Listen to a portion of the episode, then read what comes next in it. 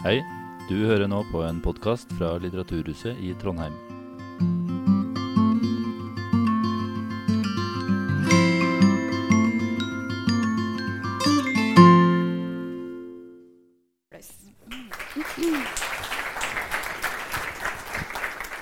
Velkommen til Sakprosafestival. Ja. Jeg heter Andrea, og vi skal starte dagen med rus.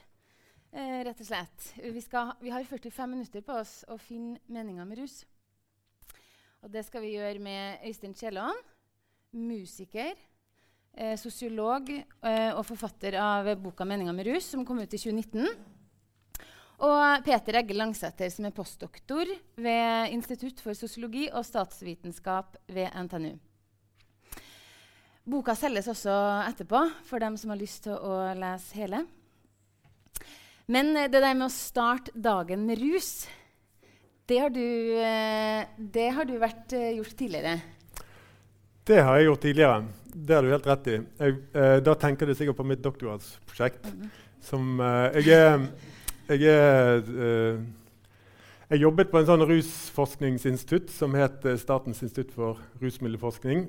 Um, og Der fikk jeg anledning til å velge meg ut et forskningsprosjekt. Og så gikk jeg da forbi sånne, På vei til kontoret så gikk jeg hver morgen forbi sånne puber der det allerede satt folk og drakk. Så, og det syns jeg var et sånn uh, uh, godt eh, utgangspunkt for å se hvordan rus er knyttet til noe sosialt. For det at eh, hvis man drikker om morgenen, så er det gjerne noe som man ikke Det er jo det er forbundet med litt stigma. Det er kanskje ikke det man flagger først når man møter noen. Men, uh, så Man kunne jo tenkt seg at man heller ville sitte hjemme og drikke. Men uh, Det ville vært billigere også. Men de valgte å gå ut på pubene og sitte sammen med andre. Så da, da og så jeg, tenkte jeg Den eneste måten å forstå dette fenomenet på, er jo, er å bruke Drikk sjøl? Ja, ja, i hvert fall å, hvert fall å bruke antropologiens metode da, med deltakende observasjon. Og få en nærhet til hva som skjedde da. Så da begynte jeg å henge på pubene. Ja. Og og begynt å Siden du sier at jeg startet dagen med rus, så, så måtte jeg jo traie det også. Og, og, og, drikke litt. Så jeg gjorde det. Hvor også. lang periode altså For da skrev du en doktorgrad om morgenpilsen, rett og slett. Mm. Og du dro på pubene og drakk om morgenen. I hvor lang tid? Eh, det gikk, pågikk over et par år, da, men ikke, ikke hver dag. Uh, men sånn i perioder. Så jeg hadde vel, jeg måtte jo telle opp til slutt, så jeg hadde vel rundt regnet 130 sånne, sånne besøk på puben. Ja. Og den doktorgraden ble til denne boka? Sånn cirka? Ja, sånn cirka. Det var, et, det var et, slags utgangspunkt for boken. For det, men, men, samtidig uh, uh, handler jo ikke den, denne boken skriver jeg litt om det morgenpilsprosjektet, men jeg forsøker på en måte å gå litt uh, bredere til verks og mm. se på um, rus uh, et, med et større perspektiv. Da. Og det er jo særlig det at jeg har vært opptatt av at mennesker har jo alltid rust seg. Um, og vi, kommer, vi, gjør det, og vi kommer til å fortsette med det. Så jeg jo, har vært opptatt av å utforske hva, er det, hva er det, det gir. Vi er veldig vant med å høre historier om alt hva rusen tar. Og det er jo, det er jo klinkende klart at den gjør. At det forårsaker mye problemer. og sånt. Men, uh, men for å tegne et mer sannferdig bilde av hele fenomenet, så vil jeg se på hva, hva rusen kan mm. gi. da. Ja, og du, som du sier, Det er jo ikke bare morgenpilsen du tar opp her. Um, kanskje du vil lese eh, starten på boka, bare for at dere skal mm. få et innblikk av eh, både språket og alle de plassene du besøker eller oppdager? Det kan jeg gjøre. Da leser jeg fra eh, side 7, kapittel 1. Eh, det er rolig på puben fredag morgen klokken ni.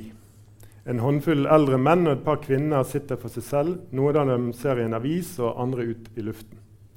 Alle drikker øl, og stemningen er dempet. Det klirrer i glass fra baren, det knirker litt i noen stoler, og døren som innimellom åpnes av nye gjester, skaper det som er av bevegelse i rommet. En som ankommer, kikker rundt seg, nikker med hodet og mumler et hei til en annen som sitter der. Han finner et ledig bord, henger jakken på stolen og går mot baren, der bartenderen har begynt å fylle opp en halvliter. Han finner frem en 50-lapp og sier hun kan beholde resten. Tar en slurk av ølet og sier det smaker like godt som i går. Ja, han gjør vel det, svarer bartenderen og smiler. Gjesten tar med seg glasset, plukker opp en avis fra bardisken og tusler tilbake til bordet.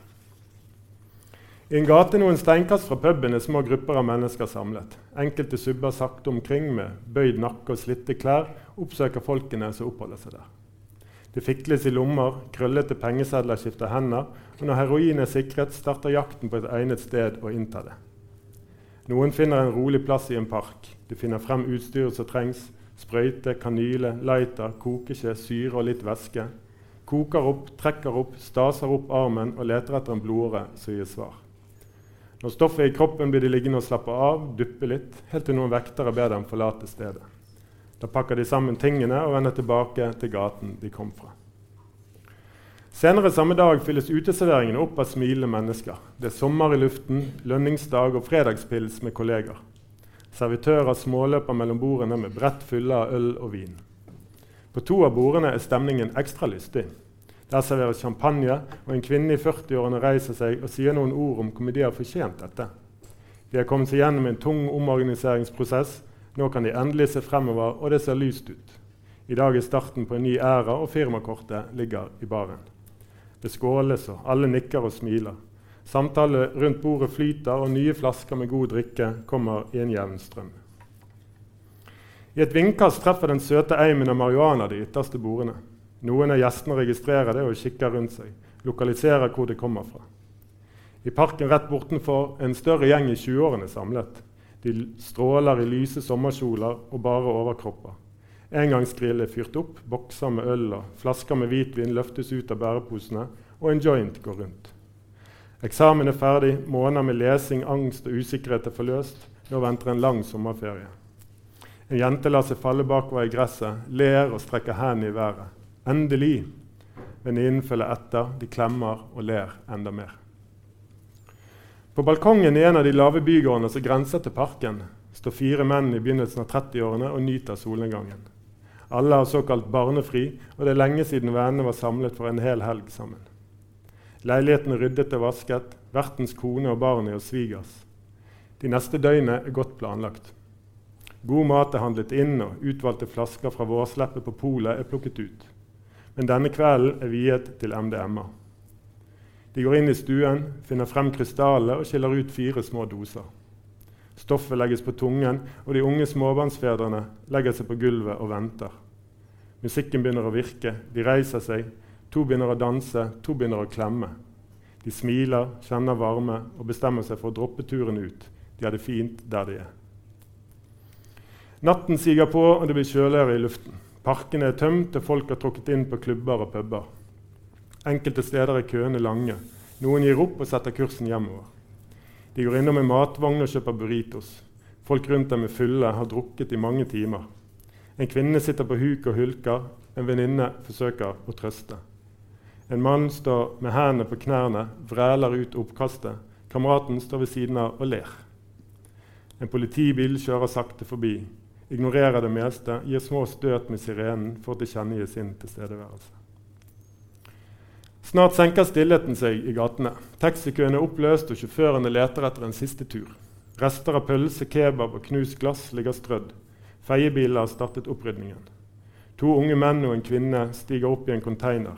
Ivrige og med pupiller store som druer leter de etter skatter som er kastet etter dugnaden i bygården. Se på dette. De snakker uavbrutt, fyller en sekk og vandrer videre mot nye funn. Rolige elektronikere og glade stemmer fra et åpent vindu fyller gaten. Se hva jeg fant! Lyden av en kork som spretter. De jubler og danser videre. Natten må aldri ta slutt, og en sier hun vet om et hull i gjerdet til Tøyenbadet. Og snart ligger de og vaker i soloppgangen. Klokken åtte låser bartenderen opp døren til puben, og noen minutter senere kommer en eldre mann med avis under armen. Han hilser og peker på tappekranen. Bartenderen fyller en halvliter og plasserer den på disken. Mannen griper glasset, setter seg i vinduet og betrakter byen som våkner til liv. Det er døgn i en norsk by. Noen drikker fredagspils med kollegaer, andre drikker morgenpils alene på en pub.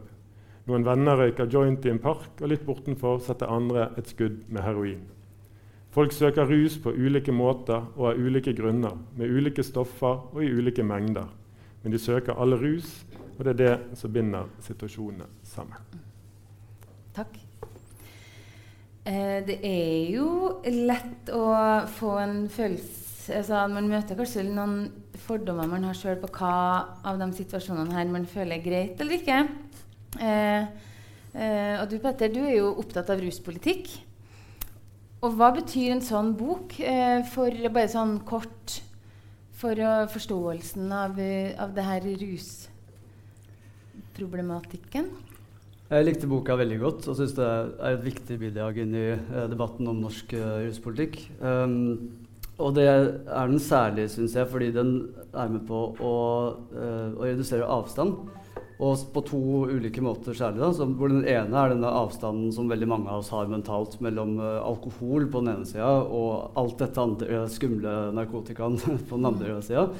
Eh, og hvor du, som det også kommer fram i den lille snutten du leste nå, at uh, viser at det, eh, mange av disse rusmidlene har jo samme funksjoner. og kan, uh, altså, det er ikke sånn at alkohol er én ting og narkotika er en annen ting, men, men, det er mange av de samme funksjonene som oppfylles uh, uansett hvilket rusmiddel du uh, anvender. Uh, samtidig som, som, du beskriver disse subkulturene, som også er forskjellige på, på ulike måter.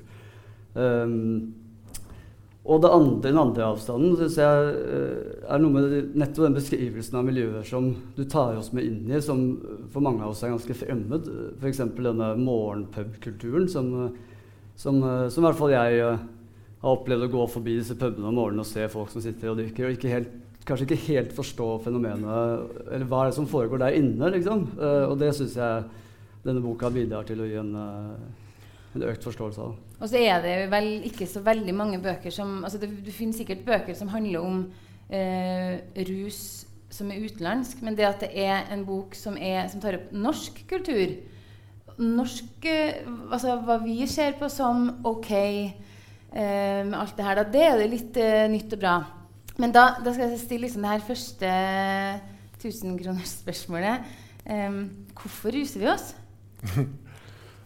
hvorfor ruser vi oss? Jo, um, uh, man kan jo begynne der, da, at bare som en observasjon er jo at, uh, at mennesker har alltid ruset seg. Altså når, når, når, når folk har funnet substanser og og sånt, i naturen som har, som har, gitt rus, så har de også kultivert det, tatt det inn i kulturen og gjort det til en del av tilværelsen. Så det fins jo altså, eldgamle, mange tusen år gamle arkeologiske funn sånt, som, som, viser at, at, rus er noe som har fulgt oss. Og det går jo på en måte ikke an derfor å gi sånn eh, ett klart svar på hvorfor vi ruser oss.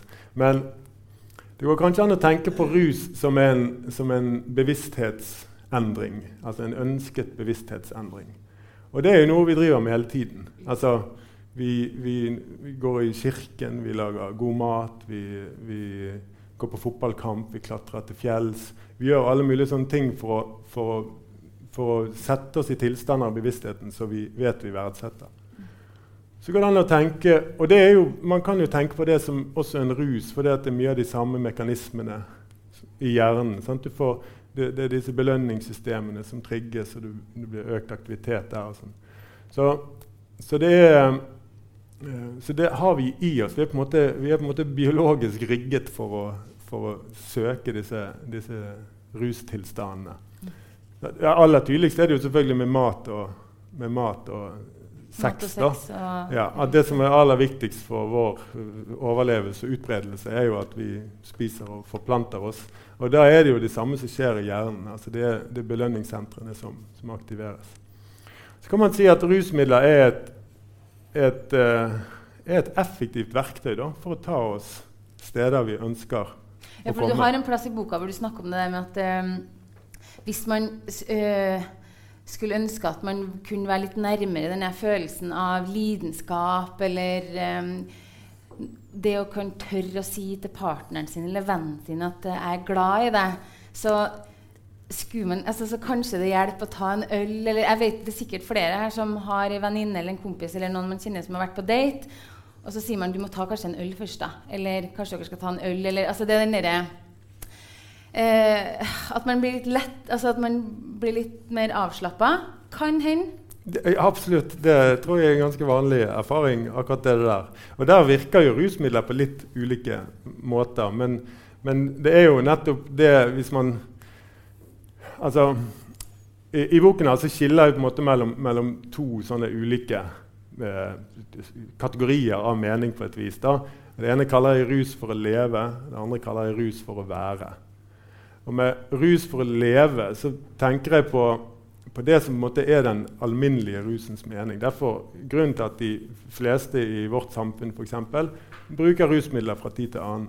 Og det, og det handler om å, å måte, komme, komme, litt ut av, ut av den hverdagslige uh, bevisstheten. Det, det, er en sånn, det er en uh, sånn låtskriver fra Hallingdal som heter Stein Torleif Bjella. Han har en sånn tekstlinje som jeg syns altså, kan illustrere det. Han snakker om at man søker et pust og kosmos. Ja. Så, som liksom handler om å bare få et liksom, blikk av noe annet enn det du går rundt med til vanlig. på en måte. Så det å tre ut av det hverdagslige og få øye på noe annet, få kjenne på noe annet Og det er jo, det er jo, det er jo veldig vanlige erfaringer. Ja, Så rus for å leve er denne rusen, mm. det glasset med vin til maten, eller, eller det, den hasjen på den festen, eller altså sånn, det mm. man Bare at det er ulovlig, da. Men det er den der tingen man gjør vanligvis. Det flires jo litt, ikke sant? Men det, det, det er litt sånn fascinerende, fordi alle Vi ruser jo oss, alle sammen. Eller alle har et forhold til rus. Enten om man ikke vil ruse, eller man skal passe på å ruse hvis man har hvit, en hvit helg eller en hvit måne, eller, eller, så er man glad. Altså, alle har en relasjon, et forhold til rus, men det er vanskelig å snakke om.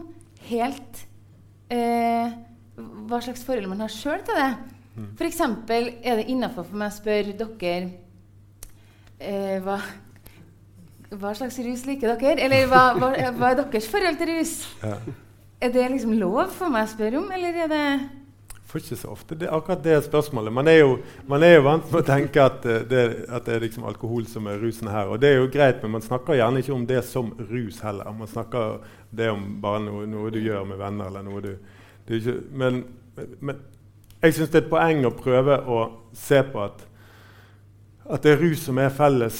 Mm. Det er en fellesnevner for mange tilstander eh, som, eller, som folk søker på forskjellige vis i ulike situasjoner og med ulike rusmidler. Eh, eh, men at det ofte kan handle nettopp om, om det samme. Mm. Altså hvis noen, hvis noen, i en park sitter og deler en joint, og bortenfor sitter noen og deler en flaske vin, så er det på mange måter mye av det samme de gjerne søker. Sant? De sitter sammen med venner, det er fellesskap, vi er fri, og kanskje det er sol, og ting er bra. Og så, så får vi hjelp av noen substanser til å kjenne ekstra ja, For det er noe med det med å endre Uh, at det er noen som kan på en måte regulere uh, følelser med rus. F.eks. så tenker jeg da det med Hvis jeg hadde spurt om et sånt enkelt spørsmål, et glass vin Er det noe uh, dere liker å ta før dere legger dere for å bli avslappa, eller gir det glasset med vin at det er lettere å være opp lenger? Altså for, for, det også er, kan være litt forskjellig mellom folk. Ja, ja. Ty, altså, når vi liksom kan snakke om den trygge lovlige rusen. Og da kan jo hende at hasj har den eh, Altså at det er like annerledes for dem med alkohol. Da, at alkohol ikke gir dem denne gleden eller denne eh, altså det Psykedelika typisk kan gi deg en helt, helt, annen type opplevelse. Se og oppleve helt andre ting enn du kunne gjort i en vanlig eh, tilstand. Men alkohol brukes jo ofte til, på mange av disse måtene. Og det påvirker også aksepten vår for det. Så I tillegg til skillet mellom lov og ikke lov, så er det nok en større aksept for å gå til uh, glasset med sin glede enn til flaska med sin sorg. på en måte. Og det, det gjelder uansett, uh, uansett rusmidler. Mm. Ja, for Du snakker om rus for å leve, og den uh, nummer to ja. er rus for å være. Ja. Um, vi starter vel alle med rus for å leve? Uh, ja, de, altså de, fleste gjør jo det. Altså det jeg mener med rus for å være, det er mens rus for å leve handler om det å gå ut av det hverdagslige og ordinære og søke noe ekstraordinært, så, så handler rus for å være om det, er på en måte, det blir en måte å, å takle et eller annet på. Takle, takle hverdagen. Liksom, um, og det er jo sånn vi ofte forbinder med Vi kan ofte forbinde med avhengighet. da, altså At noen trenger noe for å komme opp i en eller annen sånn uh, tilstand der de klarer å, å, å, fungere på et eller annet vis. Men så jeg å, tenker jeg òg at dette ikke det er også noe man kan kjenne seg igjen av den funksjonen som rusen kan ha. At den kan dempe smerte, den kan dempe uro, alle disse tingene. Det kan, jo, det kan jo kanskje de fleste kjenne igjen fra i det minste fra enkeltepisoder. Altså hvis, hvis du er blitt eh, dumpet og, og, lider av noe vanvittig kjærlighetssorg, og det er jo, så, det er jo vilt smertefullt. Altså det er jo virkelig hjertesmerte.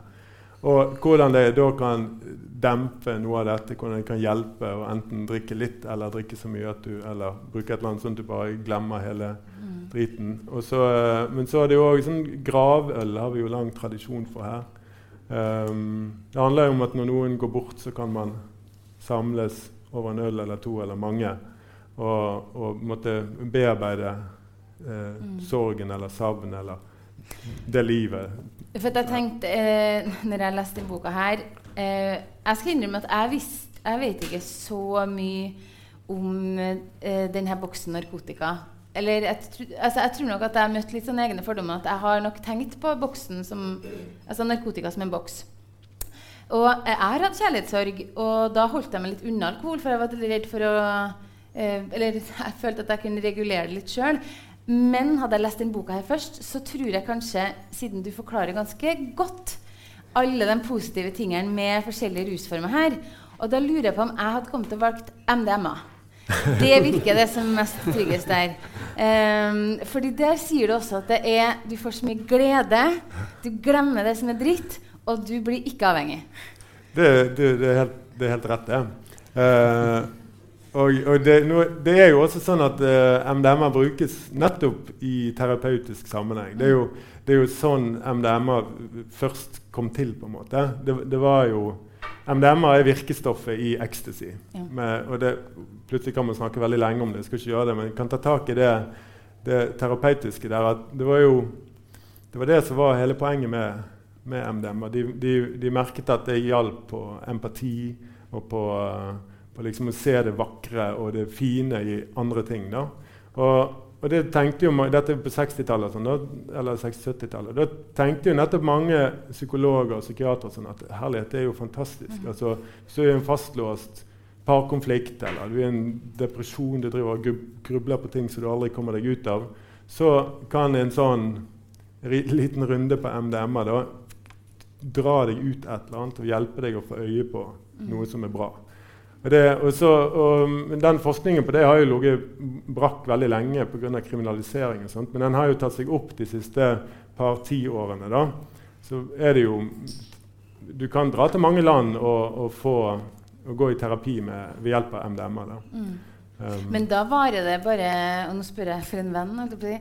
Eh, da varer det bare kort. Da varer det bare mens du tar det. Og så varer det så så lang tid. Eh, og så er du lei deg igjen, da? Eller? Nei, altså det som Nei, det er ikke nødvendigvis sånn. Det som er, det som er bra med et sånt eh, middel som det der, er jo at, at, det er noe du tar én gang. Eh, det er ikke sånn antidepressiva som du tar liksom daglig og som har masse bivirkninger. og sånt. MDMA er eh, MDMA-terapi, så bruker du det, og gjerne sammen med noe sånn psykoterapi. eller noe sånt da, og så kan det være det, du bare tar det den ene gangen, og så har det på en måte hjulpet ja. deg ganske massivt den ene gangen. Men Jeg skal ikke liksom sitte og hylle denne, men det, det, er mm. utrolig interessant forskning på det, mm. som, som, man på en måte eh, som jeg syns man har en plikt til å, til å ta på alvor, da, mm. og, og, ikke avfeie den fordi det handler om, et, om, et, om, et, om en substans som man har bestemte bilder av. Ja. Hvis, jeg kan skyte inn uh, at det som er litt spesielt med både MDMA og også psykedelika, som LSD og sopp og, og sånt, som, som, også brukes terapeutisk nå, uh, er på vei tilbake i forskninga, så er det jo nettopp at det er ikke stoffet i seg selv, men det er de opplevelsene det stoffet åpner for at du kan ha mens du er under, uh, under influence. holdt jeg på det. Uh, det er de opplevelsene som påvirker psyken din. Sånn at det å, Du kan jo ta masse MDMA og gå og danse på rave i fire timer, og du kommer ikke til å løse depresjonen din nødvendigvis av det. Mm. men det vil f.eks. kunne la en person med PTSD for første gang klare å snakke om opplevelsene sine til en psykolog, da, som kanskje normalt ville ført til fullstendig sammenbrudd. Så, så det, er, det, er, ikke noe oppfordring til å liksom bare kaste i seg masse man, Det er, det er en, en, spesiell måte å gjøre det på som, ja. som, gjør sånn at det har den effekten. Da. Men det her er vanskelig å få testa ut nettopp fordi at det er ulovlig. Ja. ja. Eh, fordi det er jo her Du um, nevner også det her med eh, at noen kan ha traumer og få godt av å bruke MDMA, eller noen kan ha kjærlighetssorg. Det handler jo litt om personen òg, ikke bare rusen i seg sjøl. Mm. At uh, vi kunne hatt tre forskjellige opplevelser, egentlig, hvorav kanskje den ene ikke burde ta det òg. Nettopp i kraft av å være den man er òg. Og da kommer vi jo til dere Er det noen som har lettere Kan man finne ut hvem det er som blir mest avhengig av hva slags stoff? Eller sånn. Skjønner hva jeg mener? Jeg skjønner hva du mener. Det, man kan ikke peke på noen og undersøke dem og si at du har så stor sjanse for å bli avhengig. Men, men altså, for å ta to forskjellige ting. Da. Det du peker på, er jo at vi, eh, vi er forskjellige personer Uh, og bygd opp på forskjellig måte. Uh, eh, vi, født, vi, kommer til verden med en eller annen genetikk, vi kommer til verden med, med noen personlighetstrekk som måte man regner at, tenker at man, man egentlig har med seg i det man kommer her. Og så er det tidlige erfaringer som, måtte, uh, som former deg ganske sterkt. Og alt dette her påvirker uh, hvordan du vil reagere på ulike rusmidler. Men, um, og det som, det som er, kan være viktig å tenke på der, er jo at alle disse tingene er jo noe som folk ikke kan noe som helst for. Altså, du har jo ingen, altså, du har ingen kontroll på hvem du, hvem du blir kastet inn i verden som. Så, uh, men så vet man samtidig at noen kommer til verden nettopp med en større sårbarhet for å utvikle avhengighet av ulike stoffer. Noe tenker man kan være genetisk. Ikke sånn at du er liksom disponert, men du har en økt sårbarhet for det. For, for å bli avhengig. Det samme gjelder enkelte sånn personlighetstrekk. Ja, for Du sier noe med at eh, traumer, ensomhet og kjedsomhet kan være eh, tilstander som gjør at det er litt skumlere, kanskje. Og, eller nå sa du kanskje ikke skummel, det er mitt, eh, mitt, inntrykk. Men hvis man gjør det for å dempe noe eh, av feil grunn, på en eller annen måte, så kan det være større sannsynlighet for at man blir mer avhengig av det, enn hvis man gjorde det bare for en kveld for å oppleve noe nytt. Ja, Det er litt sånn vanskelig skille der, merker jeg. Ja, jeg, jeg, jeg, tror det stemmer. det, og det ser, Man ser jo det på Hvis du ser på f.eks. folk som er sprøytenarkomane, så er det veldig vanlig at de har opplevd uh, ganske grusomme ting uh, i barndommen. Uh, og husker, Du har jo tall i boka. Det er 40 ganger så høy sannsynlighet eller noe sånt for å bli uh, sprøytenarkoman hvis, hvis, du har opplevd seksuelle overgrep i barndommen. Så det er jo helt klart noen sånne sårbarhetsfaktorer. Da, men det, men, det er jo nettopp fordi disse, vi, disse menneskene har et behov som eh, de kanskje ikke får oppfylt noe annet sted. Um, så det er en sårbarhet som man skal selvfølgelig, man skal alltid være forsiktig med rusmidler som har et avhengighetspotensial.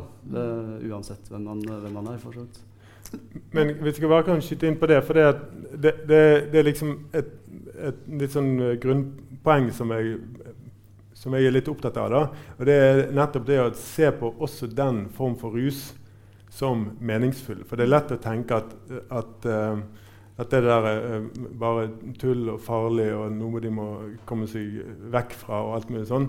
Jeg tror man skal være eh, åpen for at, at, når folk velger å ruse seg på måter som kan se vanvittig destruktive ut, og alt mulig, så, så ligger det noe bak der, og en god grunn for at de gjør det.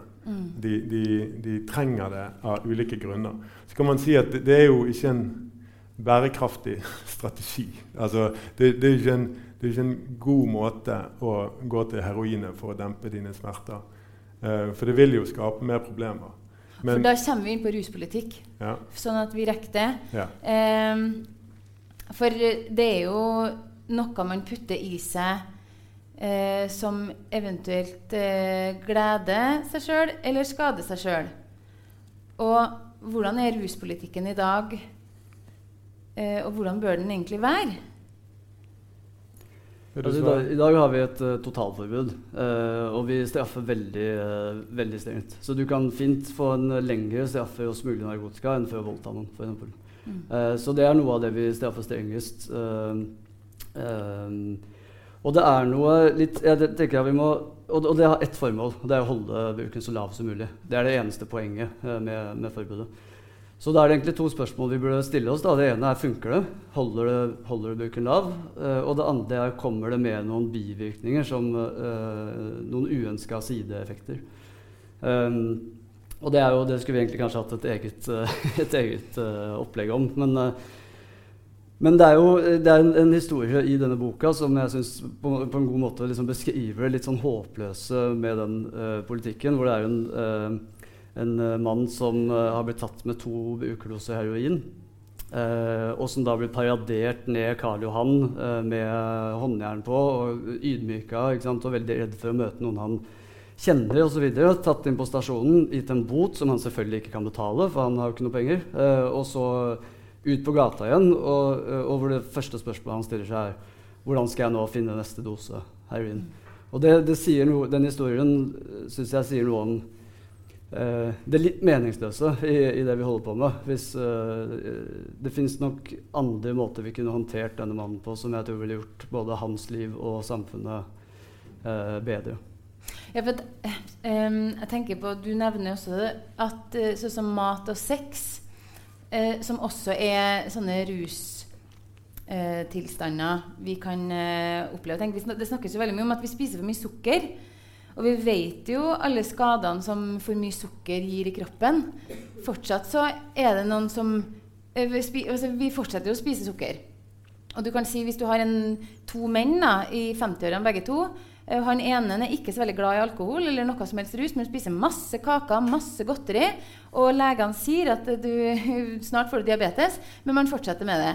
Og det er jo egentlig det samme som han på 50 år som ikke noe glad i kaker i hele tatt, veldig glad i alkohol, og drikker og drikker og sier du har et problem, du må slutte med det.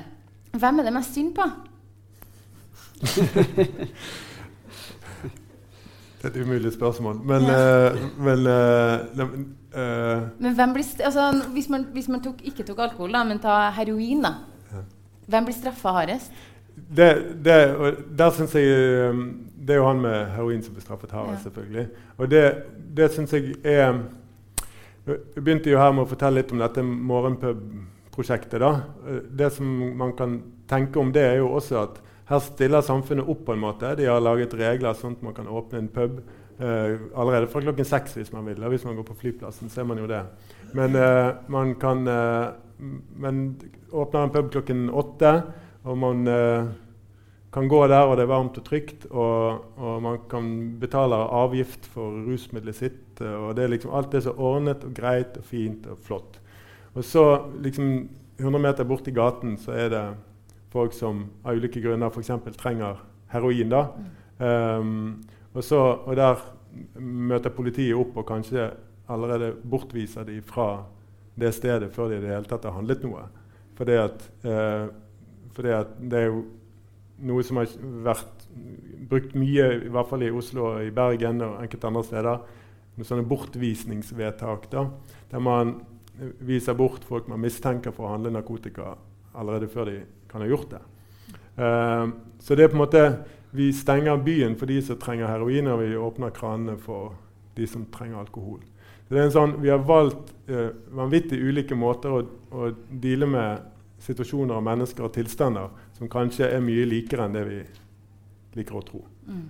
Og det, det er jo ikke tilfeldig Eller det vil si, delvis er det historiske tilfeldigheter som, som bestemmer hva vi har gjort forbudt og ikke, men, men det er heller ikke helt tilfeldig, fordi mange av disse forbudene har jo eh, utgangspunkt i eh, klasseforakt eller rasisme, rett og slett, som er knytta til eh, hvem det er som bruker disse stoffene. Sånn at F.eks. I, i, i USA på 1800-tallet så forbød man opium Altså det å røyke opium var ulovlig, for det gjorde kineserne, eller kinesiske innvandrerne. Mens det å innta det som en sånn mikstur som de hvite holdt på med, det var ikke ulovlig. Uh, og på 80-tallet så var jo uh, crack det var en egen lov i USA som sa at crack, som, som er bare en annen form for kokain, det skulle straffes 100 ganger så hardt som kokain. Og crack ble selvfølgelig brukt av de fattige og de svarte. Uh, og kokain ble i stor grad brukt av de velstående hvite. Så det er noen sånne elementer som, som går inn ganske systematisk i opphavene til de forbudene. som gjør at det, det, er ikke helt tilfeldig det, det, rammer veldig skjevt. Mm. Og det gjør det, det gjør det også fortsatt. sånn at i dag så ser vi Eh, at på Oslo øst, f.eks., hvor, hvor de, folk bruker mindre cannabis enn på Oslo vest så nå vet jeg ikke hvor godt folk kjenner til Oslo, men Oslo øst er jo uh, den, den uh, mer arbeiderklassedelen av Oslo. Og Oslo vest uh, der hvor det er penger, da. så, det, så det, er, altså, det, er, mindre cannabis på Oslo øst enn på Oslo vest, men du har mye større sannsynlighet for å bli tatt og straffa på Oslo øst enn på Oslo vest. det samme gjelder hvis du har minoritetsbakgrunn, og det samme gjelder hvis du har foreldre med lav utdannelse. Så, så det er noen um, ganske systematiske utslag da, av det forbudet. Mm. Jeg ser at uh, vi er egentlig på tida. Det er så mange forskjellige ting vi ikke har fått gått gjennom, så jeg anbefaler skikkelig å kjøpe denne boka her og lese den. Uh, du, du, vi snakka jo litt uh, om at du har vært på litt Hva heter det? Skolesekken? ja, vært litt på litt skoler. Og, ja, så, og fortelle om om meninga med rus for, for, ungdom. Det høres kanskje litt eh, hardt ut òg, men når man tenker seg om, så um, Og det mener jeg at jeg har lest en plass, om ikke du skriver det her, så snakker vi om at eh, med seksualundervisning òg det, det, er jo en periode hvor, eh, hvor man har sagt si, eller Det finnes jo noen plasser i verden eller noen tider i verden hvor man har sagt 'si nei til sex'. Og så har man fått seksualundervisning som viser at det kan være bra, men det her og det her kan skje, og passe over kjønnssykdommer, gra uønska graviditet og alt sånt. Man får en opplæring i at det er fint, og det kan være litt skummelt med det òg. Mens med rus så er det si nei til narkotika. Og det er kanskje litt av det, hvis jeg tolker det riktig, at man ønsker å eh, gi mer kunnskap om det, og ikke få flere folk til å ta det? Nei, det, det er rett. Det, det, jeg, jeg, på mange måter er jeg litt sånn uh, ruskonservativ òg. Jeg ser ingen grunn til at vi skal ha mer rus i samfunnet. Men, men, uh, men, uh, men det er umulig å bli kvitt rus? Det er umulig å bli kvitt det. Og jeg, synes, jeg tror vi har mulighet til å håndtere rus på en bedre måte hvis vi måte, anerkjenner også ja. det meningsfulle ved det og um, klarer å se litt uh, større på det og mm. mindre, mindre, fordomsfullt. Så det er lettere å diskutere det når man, Det er alltid lettere å diskutere noe når man kan noe om det man diskuterer. Eh, så den boka her er helt perfekt for eh, alle som eh, er interessert i rus. Eller mote, eller Ja. Det var det vi rakk. Eh, tusen hjertelig takk for at eh, dere kom og prata om det her. Og så håper jeg at eh, alle andre som har lytta, er litt nysgjerrig på mer. Tusen takk for oss. Takk, takk.